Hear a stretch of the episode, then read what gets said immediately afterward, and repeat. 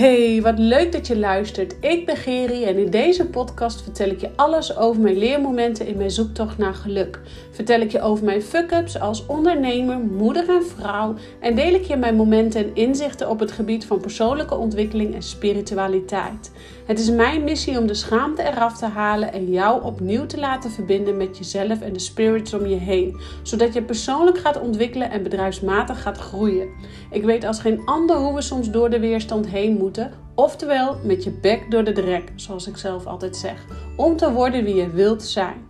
Door ons meer en meer af te stemmen op wie we werkelijk zijn, blijven we gemakkelijk in de flow van het leven staan. Ik help jou je frequentie te verhogen, zodat je voorbij gaat aan het stemmetje in je kop en beter gaat communiceren met jezelf, zodat je kiest voor dat wat jou gelukkig maakt. Rise up, jij krachtige, prachtige vrouw. Ja, wat super goed dat je luistert. En vandaag ga ik een podcast met je delen, of waarde delen eigenlijk in deze podcast, die eigenlijk gewoon heel belangrijk is voor iedereen om te weten. Omdat iedereen ook hiermee te maken krijgt in het leven. En dan heb ik het over kindertrauma's versus relaties en uh, hè, dat, uh, kindertrauma's versus relaties en met name dus je liefdesrelaties en de relaties met jouw kinderen. Want um, je moet het zo zien, wij worden geboren als ziel, als, als mensje, waar wij eigenlijk als ziel dus um, zo openstaan. En als geboren worden staan wij nog zo in verbinding met hierboven, met, met wat dat voor jou dan ook is. Het goddelijke, de bron, het universum, wat het dan voor jou ook mag zijn. Uh, de zielenwereld op het moment dat jij als babytje wordt geboren, dan sta je nog zo open met hierboven. En uh, hoe ouder je wordt, hoe meer uh, trauma's jij te verwerken hebt als kind. Hoe meer jij als kindje eigenlijk meemaakt in je leven. En uh, wij, wij zijn hier ook op aarde gekomen om dus levenslessen te leren. En je kunt je zo voorstellen dat als jij um, nou, als je heel jong bent, dat, dat je dus nog minder trauma hebt opgelopen als dan dat je wat ouder bent. En um, dat dan eigenlijk bij ieder trauma die jij meemaakt in dit leven, uh, een soort sluier om je heen wordt ge, getrokken. Dus de mantel van vergetelheid, die komt eigenlijk als het ware om jou heen. Dus hoe ouder jij bent, hoe meer jij die mantel van vergetelheid om jou heen hebt. En hoe uh, jij op een gegeven moment dus bewust wordt van jezelf. Van hé, hey, um, wat ik doe in het leven. Ik wil meer voldoening halen uit dit. Of ik wil meer voldoening halen uit dat. Of ik ben ongelukkig. Of weet ik veel wat je ook meemaakt in je leven. Er komt een punt in jouw leven dat jij voelt: oh, ik moet met mijn persoonlijke ontwikkeling aan de slag. En dat kan komen door een externe situatie. Uh, bijvoorbeeld dat je een auto-ongeluk ervaart. En dat het auto-ongeluk ervoor zorgt dat jij in een uh, persoonlijke ontwikkeling of persoonlijke groei komt. Of een burn-out. Of uh, nou, iets anders. Een, iemand, een familielid, een, een naaste die overlijdt. Of uh, een, een, een, intense relatie gaat over. Maar het kan ook een interne factor zijn. Bijvoorbeeld in mijn geval naar um, het hebben van 17 jaar lang een eetprobleem. Waarbij um, ik aan alles voelde van... hé, hey, dit kan zo niet langer meer. Er moet nu echt wat veranderen. En uh, dat... Um, dat er mijn wil om te veranderen zo dermate groot was. Dat ik aan alles voelde, ja, nu moet ik wel met die persoonlijke ontwikkelingsreis bezig. En ik was eigenlijk al, uh, denk ik, een jaar of vijf, zes bezig met die persoonlijke ontwikkelingsreis. Voordat ik echt definitief voelde van, nou, nu is het helemaal klaar om dit stuk aan te kijken. Uh, maar anyway, anyhow, um, er komt een moment in je leven dat je met die persoonlijke ontwikkeling aan de slag gaat. En of je dat nou van huis uit meegekregen hebt of niet, it doesn't matter. Bij iedereen komt die. En bij de een komt die rond de twintigste, bij de andere uh, komt die rond de dertigste. Dan krijg je dertigersdilemma. Bij de andere komt die rond de veertigste uh, eind 50 of eind 40, begin 50. Nou, dan heb je natuurlijk de midlife crisis. Bij mannen komt die over het algemeen ook rond de 40ste. Uh, want dan, zit hun, dan zitten hun in een midlife crisis. Bij vrouwen komt die vaak al rond de dertigste. En de vrouwen hebben dus ook sneller last van een dertigersdilemma. Uh, en soms komt die ook nog helemaal niet. En dan komt die rond je 58ste. En dan voel je in één keer: oh, ik ben niet zo gelukkig met mijn leven. Er moet nu wat veranderen. En het maakt helemaal niks uit, want het komt wanneer het komt. En het komt altijd in jouw tijd en jouw tempo. Maar als in één keer die persoonlijke ontwikkeling eraan komt, ja, dan ga je, dan moet je wel. Dan mag die sluier, uh, de mantel van vergetelheid, die mag afgedaan worden. En uh, op het moment dat jij dus besluit om die, om die persoonlijke ontwikkeling aan te gaan, om te groeien als persoon, om te groeien als ziel, dan zal dus steeds meer die mantel van vergetelheid uh, steeds verder, beetje bij beetje afgaan. En dat is dan ook weer de taak in het, hier in het leven, om, om als ziel dus die mantel weer af te doen, waardoor je steeds weer meer in contact komt met jouw inner being, jouw innerlijke zelf, jouw ziel, jouw ziel en zaligheid. Um, en uh, daarbij hoort ook, ook, ook bij dat jij dus jouw innerlijk kind gaat helen. Want het is niet alleen jouw innerlijke ik, maar in dat innerlijke ik zitten ook pijnstukken. En er zitten pijnstukken van het verleden. Daar zitten pijnstukken van uit jouw vroegere jeugd. Er zitten pijnstukken van uit uh, jouw, jouw laatste jaren. En er zitten pijnstukken ook uit van vorige levens. En uh, in deze podcast, in deze aflevering hebben we het natuurlijk, hè, zoals ik al zei in het begin, hebben we het voornamelijk echt over um, de, uh, de, de trauma's vanuit onze jeugd. En um, waarom nou de trauma's uit onze jeugd? Het maakt niet uit in wat voor, uit wat voor gezin van herkomst je komt. Um, iedereen, elk kind bouwt trauma's op.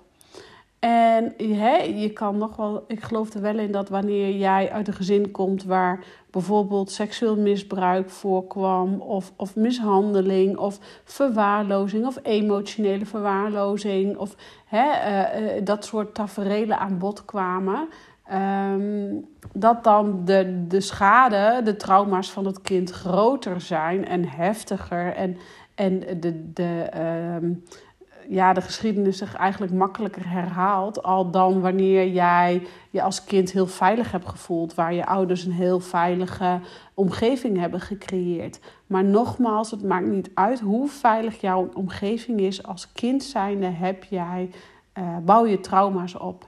En het zou ook niet best wezen als het niet zo was, want anders heb je in dit leven gewoon niks uit te werken. Dus die kindertrauma's die jij als, als volwassene eigenlijk hebt uit te werken, zijn dus heel belangrijk voor jou om persoonlijke groei en persoonlijke ontwikkeling aan te gaan. En dus die mantel van vergetelheid eigenlijk stukje bij beetje verder af te doen. En waarom willen wij nou die kindertrauma's uh, uitwerken? Um, wij maken in dit leven dus ja, eigenlijk processen mee, uh, pijnstukken mee. We doen ervaringen op die ons pijn doet. En die kunnen ons in ons volwassene zijn, in ons een gezond volwassene persoon, kan, kan die behoorlijk pijnlijk zijn. Kan dat behoorlijk raken. En um, je kunt je zo voorstellen dat je dus geraakt wordt in een bepaalde situatie. Of wat door iemand die jou wat zegt, of iemand die jou wat aandoet. Eh, en dat jij dus zo getriggerd wordt in een bepaalde boosheid dat je denkt, nou, waar komt dit toch in vredesnaam vandaan? Of zo getriggerd wordt in een bepaald verdriet. En waar je eigenlijk bij jezelf twijfelt, nou, hoe kan het toch zo dat ik hier zo heftig op reageer? Dan kan je er 9 van de 10 keer op uitgaan dat je geraakt wordt in een kindspijn, in een kindsdeel in een oud zeer, in een oud pijn. En nogmaals, maakt dus niet uit uit wat voor gezin van herkomst je komt. Die pijnen hebben we allemaal. Um, en wat heeft nou jouw relatie uh, hiermee te maken? En met name jouw partnerrelatie, maar ook uh, jouw kinderrelatie en de relatie met je ouders. En de relatie van ongeveer de aantal vijf mensen om je heen. En ze zeggen altijd, hè, jij bent het gemiddelde van de vijf mensen om je heen. Maar de vijf mensen, belangrijke mensen om je heen zijn ook vaak de mensen die jou kunnen spiegelen en kunnen triggeren. En, um, uh, maar met, uh, even om terug te gaan, om, om niet te ver uit te wijken, om terug te gaan even naar jouw partnerrelatie of jouw kinderrelatie. Ehm, jouw partner en je kinderen die kunnen jou ten alle tijden dus triggeren in die oude pijnen. En het kan maar zo zijn dat jij een relatie hebt uh, met, met jouw partner of een van jouw kinderen, uh, die jou bijvoorbeeld triggeren, nou laten we zeggen, die jou triggeren in een stukje verlatingsangst of in een stukje bindingsangst of in een stukje uh, ja, oud, oud, zeer een oud kindertrauma, misschien wel een stukje emotionele verwaarlozing. Hè? En, en waar jij dus als kind dus, nou misschien wel um, niet, niet het verlangen naar een, een vader of een moeder hebt gehad die je eigenlijk had gewenst. Uh, en dat betekent niet dat je ouders dan verkeerd zijn of dat je ouders dan fout zijn. Want ik geloof erin dat iedere ouder handelt naar eer en geweten. Maar wij kunnen als ouders zijn niet altijd volledig uh, alle behoeftes van het kind vervullen. Dus wanneer je als kind zijnde ergens een bepaalde behoefte niet hebt vervuld gekregen, dan bouw je eigenlijk als het ware een, een gemis op, een verdriet op. En dat gemis, dat verdriet, dat, dat wordt dan als het ware ook een soort trauma genoemd. En dat trauma, dat mag dus op latere leeftijd, op jouw volwassene ik, of het nou in je 20, je 30, je 40 of je 50ste of je 80ste is, um, dat mag dan later nog verwerkt en geheeld worden. En dat zijn eigenlijk processen die jij binnen in jezelf mag gaan helen. Maar wij kunnen die pas binnen in onszelf gaan helen als wij ons er bewust van worden, als wij worden getriggerd. En die triggers die komen 9 van de 10 keer van jouw liefdespartner. Of die komen 9 van de 10 keer van jouw kinderen.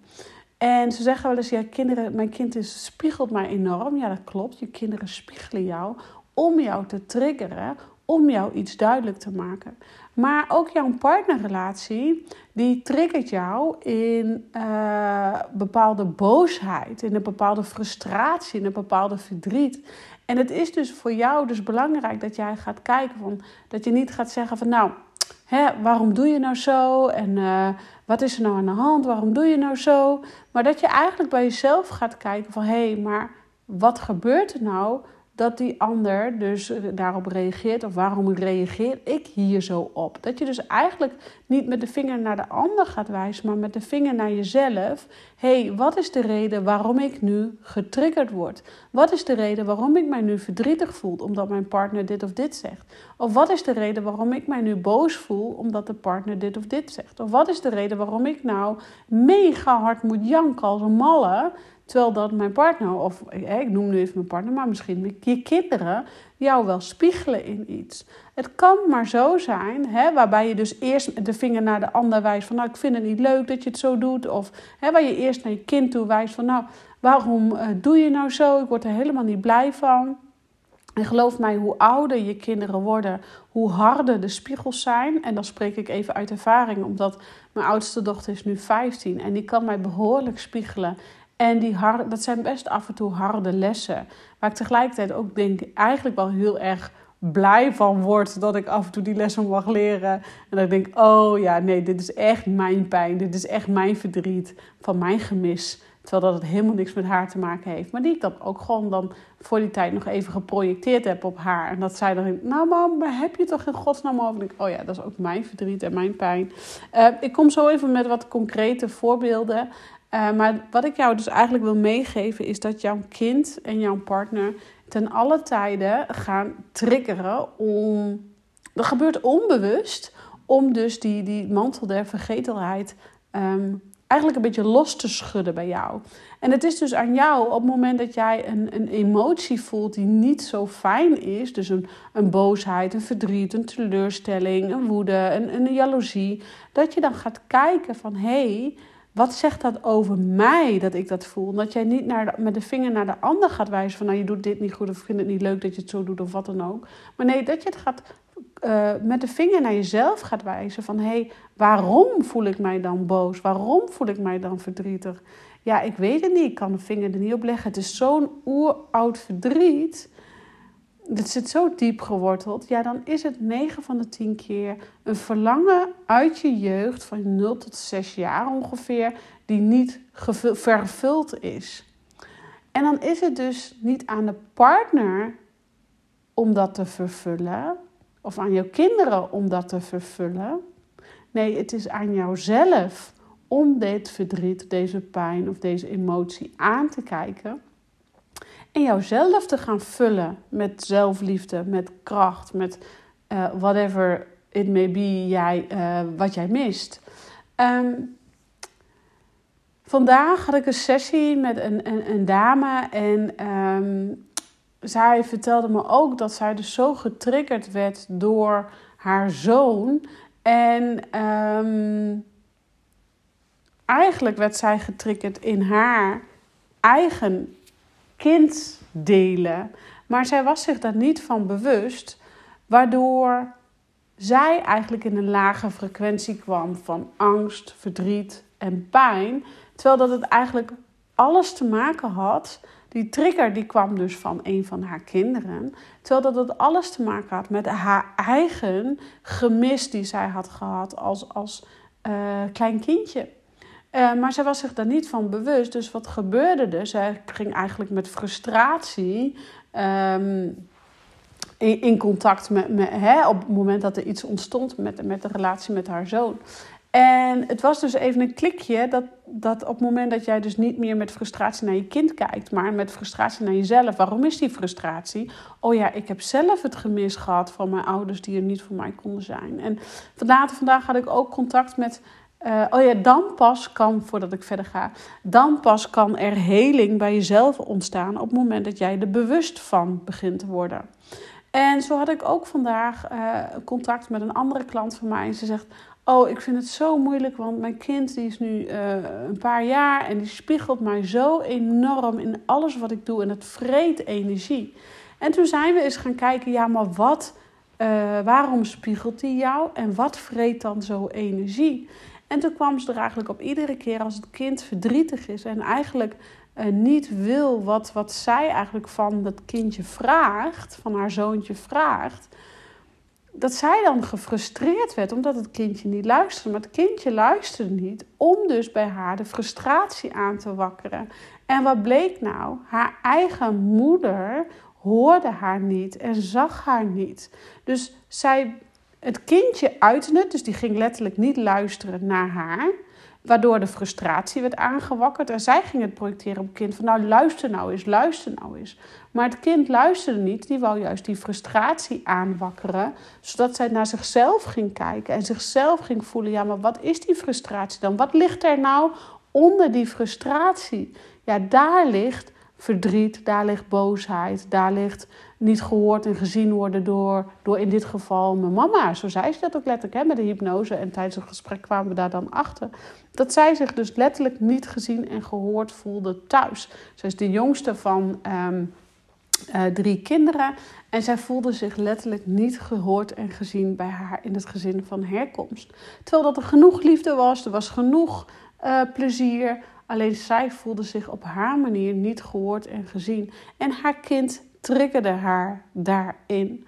En um, op het moment dat ik haar daar vandaag dus in kon uh, helder kon krijgen, wat dus die frustratie was, wat bij, door het kind werd geuit, toen pas kon zij um, bewust van worden wat er gaande was. En kon zij pas tegen zichzelf zeggen: Oh, maar de volgende keer is het dus niet het frustratie naar het kind, maar mag ik dus kijken wat die frustratie zegt over mij. Precies, dat is wat er gaande is. Want dan kan je bewust worden. En na bewust worden, dan kan jij eigenlijk gaan kijken van hé. Hey, wat is daar dan gebeurd waardoor ik die frustratie en die boosheid en die verdriet voel? En dan kun je gaan kijken, wat mis ik eigenlijk? Oh, ik mis uh, ik, ik ben niet gehoord en gezien. Misschien moet ik mezelf even wat meer horen en meer zien. Misschien heb ik wat even meer zelfliefde nodig. En kan ik dat geven door even wat meer tijd voor mezelf in te plannen. Nou ja, dat zijn de vervolgstappen dan weer. Um, en wat heeft jouw partnerrelatie hier nou mee te maken? Nou, op het moment dat jij een, een, een langere periode een relatie hebt met, met een, een man of een vrouw, het doesn't matter, uh, dan gaan jullie op een gegeven moment in een level komen van persoonlijke ontwikkeling, uh, groei binnen een relatie, waarin je dus um, ja, ook kindsdelen, oude kindspijnen aan gaat wakkeren. En dat gebeurt automatisch, want dat is een beetje uh, de, de circle of life, om zo maar even te zeggen. Maar, pardon, ook om patronen te doorbreken. Dus heb je het gevoel dat de geschiedenis zich herhaalt, ja, dan kan dat daar ook mee te maken hebben. Maar ook om dus patronen te doorbreken. En um, kinddelen van jezelf die niet vervuld zijn, die worden eigenlijk altijd door de partner uh, getriggerd. En het is niet altijd zo dat je met alle triggers wat hoeft te doen. Um, maar het wordt wel vaak van je gevraagd om er naar te kijken. Dus uh, wanneer jij ruzie hebt met je partner, uh, loop dan niet direct weg, maar ga eens kijken wat daar dan uh, de trigger is waardoor jij je verdrietig voelt, waardoor jij je boos voelt, waardoor jij je gefrustreerd voelt. Want dat zijn eigenlijk is een lage frequentie, maar zijn wel de bovenlagen van de kern van het daadwerkelijke probleem. En daaronder ligt vaak niet gehoord en gezien voelen. Ligt een stukje verlating, ligt een stukje emotionele verwaarlozing, ligt nou ja, um, verdriet omdat er misschien iemand is overleden, een gat wat, opge wat een leegte die opgevuld mag worden. En uh, op het moment dat wij dus met de vinger naar onze partners blijven kijken, in, in, in de ruziesfase, dan zal dit kindsdeel nooit geheeld worden. Dan zal dit kindsdeel ook geen vervulling kunnen krijgen en zal jij zelf ook niet met deze vervulling aan de slag kunnen gaan. En um, nou zeg ik niet dat wanneer jij daar even mee bezig bent geweest dat het klaar is. Ik geloof erin dat dit een never-ending story is omdat jij bewust voor kiest om bepaalde stukken met andere mensen aan te kijken. En dat is ook het leven. En het hoeft niet zo te zijn dat dat een, jouw vaste partnerrelatie is. Maar dat kan ook bijvoorbeeld met je ouders zijn. Het kan ook met de vijf belangrijkste mensen in jouw leven zijn. Want ook vriendinnen of vrienden kunnen jou spiegelen, kunnen jou raken. En dan is het niet dus weer met de vinger naar hun wijzen, maar dan is het met de vinger naar jezelf kijken. Hey, waarom word ik toch zo geraakt omdat hij of zij dit zegt? Wat gebeurt er nu met mij? En dit zijn best wel moeilijke levenslessen om alleen aan te kijken. En dat hoef je natuurlijk ook niet alleen te aan te kijken. Maar dit zijn wel onder andere levenslessen die ik uh, best wel veel bespreek in mijn sessies. Omdat um, nou ja, wat ik al aangaf, het doel van onze ziel is naarmate jij voelt van hé, hey, ik wil mijn eigen frequentie verhogen. Ik wil in die joyful expansion zitten. Ik wil groeien als vrouw, als man, als ondernemer of whatever jij dan ook mag zijn. Um, dan zul je ook gaan merken dat jij uh, persoonlijke stukken aan mag gaan kijken. En daar hoort dus ook bij om steeds stukje bij beetje die mantel der vergetelheid af te doen. En daar hoort dus ook bij dat jij dus uh, je innerlijke kindstukken gaat helen. Dus traumastukken gaat oplossen. En um, ze zeggen niet voor niets... Um, liefde en haat of zoiets hè, uh, ligt heel dicht bij elkaar. Liefde en verdriet ligt heel dicht bij elkaar. En dat is ook de reden waarom er dus tijdens liefdesrelaties ook zoveel triggers liggen. Omdat dus daar de liefde is de puurste vorm die je kunt ontvangen, die je kunt geven. Dus ook naar jouw kinderen en ook naar je partner. Um, ja, dat gaat geheid gepaard met ook pittige levenslessen in de zin van um, dat jij dus getriggerd wordt in, oude kindspijn en dat die geheeld mogen worden. Dus weet dus altijd op het moment dat jij boos wordt, verdrietig wordt, uh, woede ervaart, jaloezie ervaart, dus een lage frequentie ervaart, dus hè, je moet het zo zien als een spiraal, of eigenlijk, nee, je moet het eigenlijk zien als dat wifi-teken. Dat, dat, dat, dat, dat wifi-teken. Um, bovenin zit joy, zit plezier, zit energie, zit fun, zit liefde, zit alignment. En dat is natuurlijk wat breder en daar willen we heel veel van hebben. En dan voelen we ons krachtig en dan voelen we ons on top of the world. En hoe lager jij gaat, hoe minder energie je hebt en hoe meer de lage frequentie, de boosheid, de angst, de verdriet, de woede, uh, jaloezie is ook een hele lage frequentie. Maar dat zijn wel emoties die we aan moeten kijken en die er horen te zijn om ervoor te zorgen dat je denkt: oh ja, hé, hey, maar zo wil ik me eigenlijk helemaal niet voelen. Ik wil juist in die hogere spiraal zitten. Maar we zitten, zijn snel geneigd om hè, met triggers vanuit onze relatie om dan in een lagere energie te zitten. En nogmaals, het, is, mag een ouder- en kindrelatie